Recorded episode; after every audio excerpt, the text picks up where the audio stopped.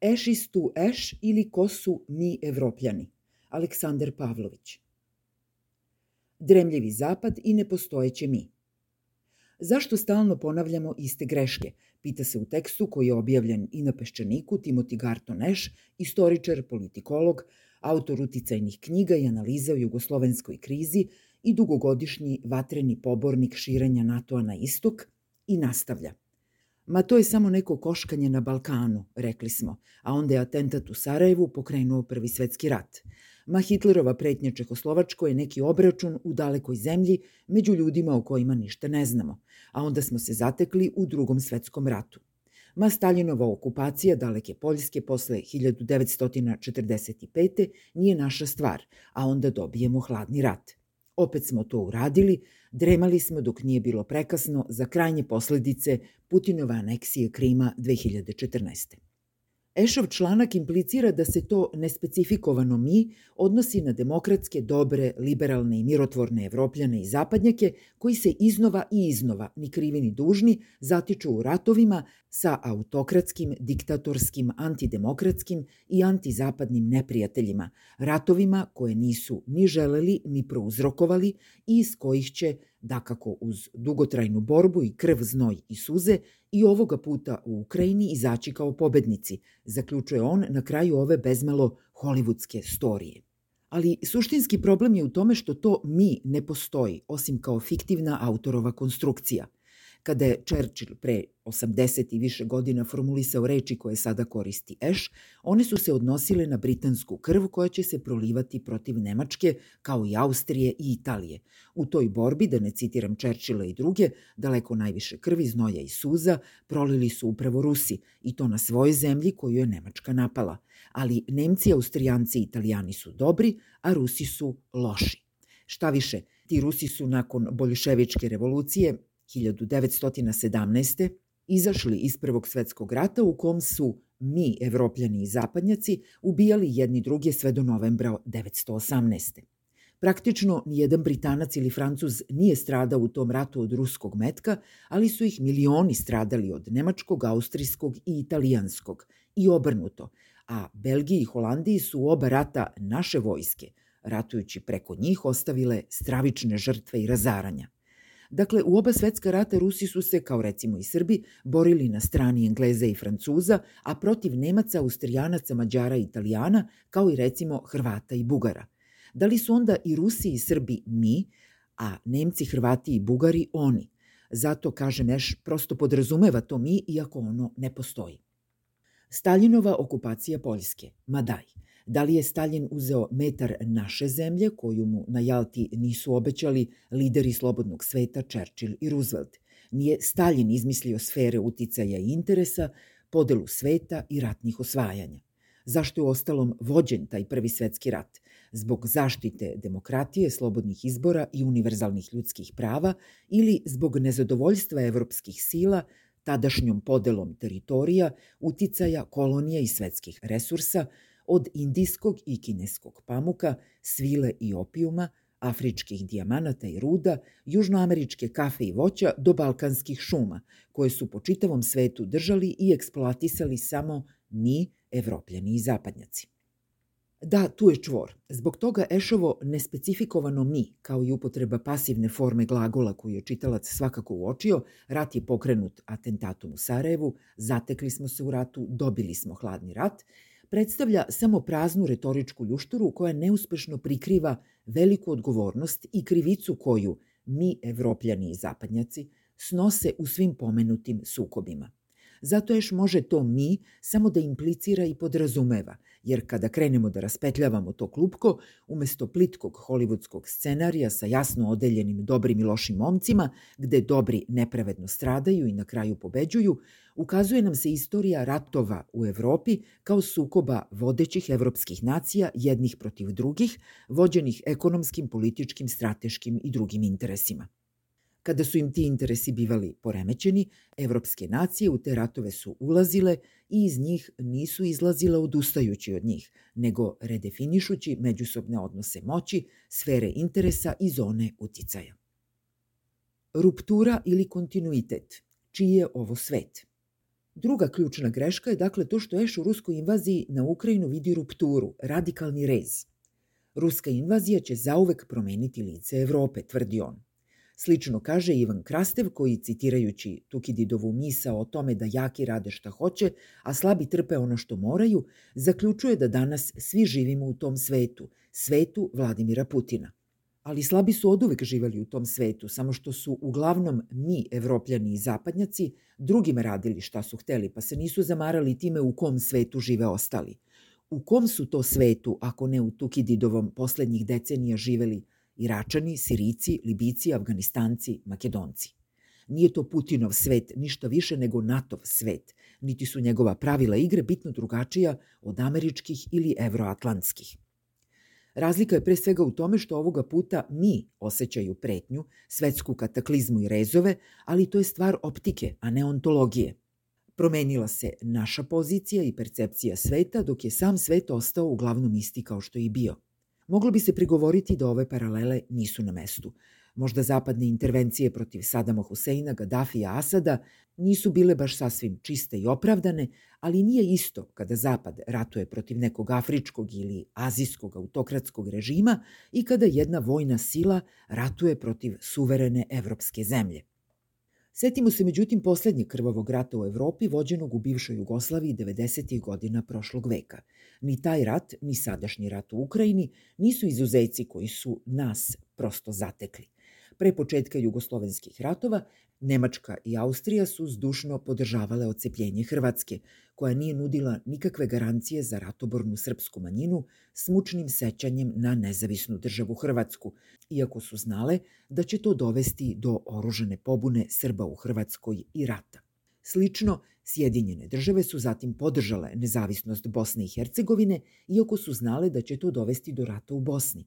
Portugalski diplomata Jose Cutiljero je na suđenju Radovanu Karadžiću u Hagu, na kom se inače nije pojavio svojevoljno nego po sudskom pozivu, rekao da je njegov mirovni plan iz 92. pre izbijanja rata u Bosni, koji su prihvatile i Srbija i Hrvatska, gotovo istovetan Dejtonskom sporazumu iz 95. donetom nakon tri godine krvavih sukoba. Nebrojeni životi su mogli biti sačuvani, dodao je, da lider Bošnjaka Alija Izetbegović nije povukao svoj već prethodno dati potpis na ovaj sporazum. Đavo je u detalju. Izetbegović je potpis povukao naknadno na insistiranje tadašnjeg američkog ambasadora u Jugoslaviji Vorena Cimermana, jer je američka administracija smatrala da bi takvo rešenje po Cimermanovim rečima, predstavljalo loš primer, naročito za zemlje naslednice bivšeg Sovjetskog saveza – Cenu u životima ovog u poslednjem trenutku propalog mirovnog plana platili su mnogi bošnjaci, Hrvati i Srbi. Dakle, Rusija ratuje protiv Ukrajine, suverene evropske zemlje i članice Ujedinjenih nacija bez mandata i dozvole Saveta bezbednosti i priznaje nezavisnost dela njene međunarodno priznate teritorije. Ali zar nije prethodno NATO vojno napao i bombama rušio jednu takođe suverenu evropsku zemlju, Saveznu republiku Jugoslaviju, članicu Ujedinjenih nacija, bez odluke Saveta bezbednosti i okupirao joj deo teritorije na koji je postavio svoje trupe? Ali zar nisu Rusi loši, a mi dobri? Deklarisani NATO razlog za rat protiv Jugoslavije bio je genocid koji je ta država, navodno u tom trenutku, činila prema svojim stanovnicima Albancima. Putin tvrdi da čini u isto, vojno interveniše, on ne koristi reč rat, protiv jednog režima koji gotovo čitavu deceniju u Donjecku i Lugansku i sve u dilj Ukrajine vrši genocid, kaže Putin, nad sobstvenim stanovnicima samo zato što su Rusi. Ipak, Eša, Putinova invazija na Ukrajinu podsjeća na Hitlerovu invaziju na Poljsku. Mislim da je to poređenje nategnuto, jer legitimitet za vojnu akciju, retoriku koja opravdava, Putin suštinski vuče iz retorike i politike NATO-a iz rata protiv Jugoslavije 99. a ne iz Hitlerovog napada na Poljsku. On ne govori kako ratuje da bi oslobodio životni prostor za širenje Rusa, niti svoju invaziju legitimiše rasnim teorijama kao što je to činio Hitler – on sprovodi humanitarnu, kako kaže, intervenciju kako bi zaštitio ugnjetavanu manjinu, što su doslovno reči kojima su NATO zvaničnici legitimisali bombardovanje Jugoslavije. Rat protiv Ukrajine je užasan i neoprostiv i Rusija se s pravom suočava sa osudom bezmalo čitavog sveta. Sumnjam da ima previše smisla kvantifikovati užas, ali recimo da Rusija izvesno nanosi Ukrajini još više zla nego što je NATO nanao Jugoslaviji, a da je to što Ukrajinci rade pobunjenim Rusima u svojoj zemlji verovatno manje užasno od onoga što je Miloševićev režim radio Albancima na Kosovu. Ali razlika u ponašanju Rusije i NATO-a nije razlika u vrsti nego u stepenu i njihov paralelizam je očigledan. Ukrajina nije Miloševićeva Srbija, ali nije ni uređena demokratska zemlja koja garantuje jezička, građanska i nacionalna prava svojim građanima, a pogotovo onima koji se osjećaju Rusima i govore ruskim jezikom. Kada Putin kaže da se bori protiv nacista, on ima u vidu brojne primere istorijskog revizionizma u Ukrajini koja rehabilituje, glorifikuje i podiže spomenike o svedočenim ukrajinskim pronacistima iz drugog svetskog rata. U njegovom ludilu ima sistema. Da se sutra probudimo u Evropi u kojoj bi Nemačka bila u dlaku preslikana Ukrajina uoči Putinove invazije, smatrali bismo je s pravom pretnjom po evropsku bezbednost i budućnost. Mi i Ukrajinci. Jasno je, u Ukrajini ne ubijaju i ne pale mi, nego Putin i ruska vojska. Ali mi isto tako već decenijama donose drva i dodaju ulje na vatru koja tinja, a koja je najzad buknula. Niko normalan ne bi pomislio da porekne kako Nemačka, Francuska, Britanija o Sjedinjenim državama i da ne govorimo, imaju vitalne nacionalne, bezbednostne i strateške interese ili im uskratio pravo da ih štite. Ali su one zdušno već decenijama sistematski to pravo podrivale i uskraćivale Rusiji. Eš kaže kako nas je zatekla nemačka okupacija tamo neke Čehoslovačke, dakle mi nisu Nemci. No nisu li upravo ponižavajući uslovi koje su mi nametnuli Nemačkoj posle Prvog svetskog rata dovele do hiperinflacije, nemaštine, radikalizma i ubrzo rađanja autoritarnog i krvoločnog nacističkog pokreta u toj zemlji – Zar nismo iz tog primera naučili da se jednoj velikoj evropskoj sili ne može oduzeti sve, a pritom očekivati da ona to mirno podnese? Zar nam istorija od Napoleona do Hitlera nije dala dovoljno primjera o tome šta se dešava kada s vojskom dođemo do granica Rusije? A ipak NATO je uporno i tvrdoglavo nastavio da se širi na istok, uprkos ruskom protivljenju i pretnjama i uprkos glasovima razuma, koji su, poput nedavnog istinski humanističkog istupa Bernija Sandersa, imali hrabrosti da rusku zabrinutost oko ulaska Ukrajine u NATO opišu kao legitimnu. Kaj Ahim Šumbah, poslednji visoki vojni zvaničnik koji se usudio da kaže kako s Rusijom kao hrišćanskom zemljom treba da gradimo strateško partnerstvo, odmah je smenjen i javno ismejan. Predlagani austrijski model večite neutralnosti za Ukrajinu njene blokovske neutralnosti koja je u ostalom utkana i u osnivačke dokumente ove zemlje, poput deklaracije ukrajinske nezavisnosti iz 90. kao garancije za mir uz mogućnost korišćenja svih evropskih fondova i bezviznog režima, predstavljao je verovatno najbolju, a možda i jedinu šansu za prosperitet i blagostanje ukrajinskih građana. Ali prosperitet i blagostanje ukrajinskih građana nisu bili ključni kriterijumi ni za Rusiju, ni za nas – a ni za ukrajinske političke lidere.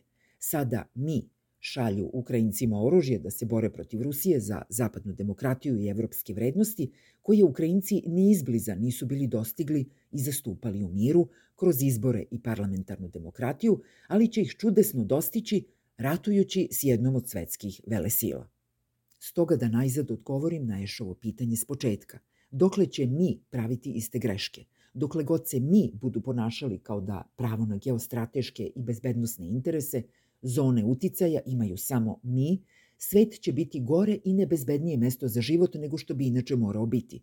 Dokle god mi budu spremni da za njihove vrednosti, interese ginu hiljade i milioni drugih ljudi i razaraju se tuđe zemlje i gradovi, ratovi će izbijati kao što izbijaju prirodne katastrofe, razorno i na izgled stihijski i nepredvidivo – Dokle god mi budu stavljali svoje strateške, bezbednostne, ekonomske interese ispred interesa života i blagostanja drugih, mali i nemoćni će stradati u vihoru igara moći i interesa drugih.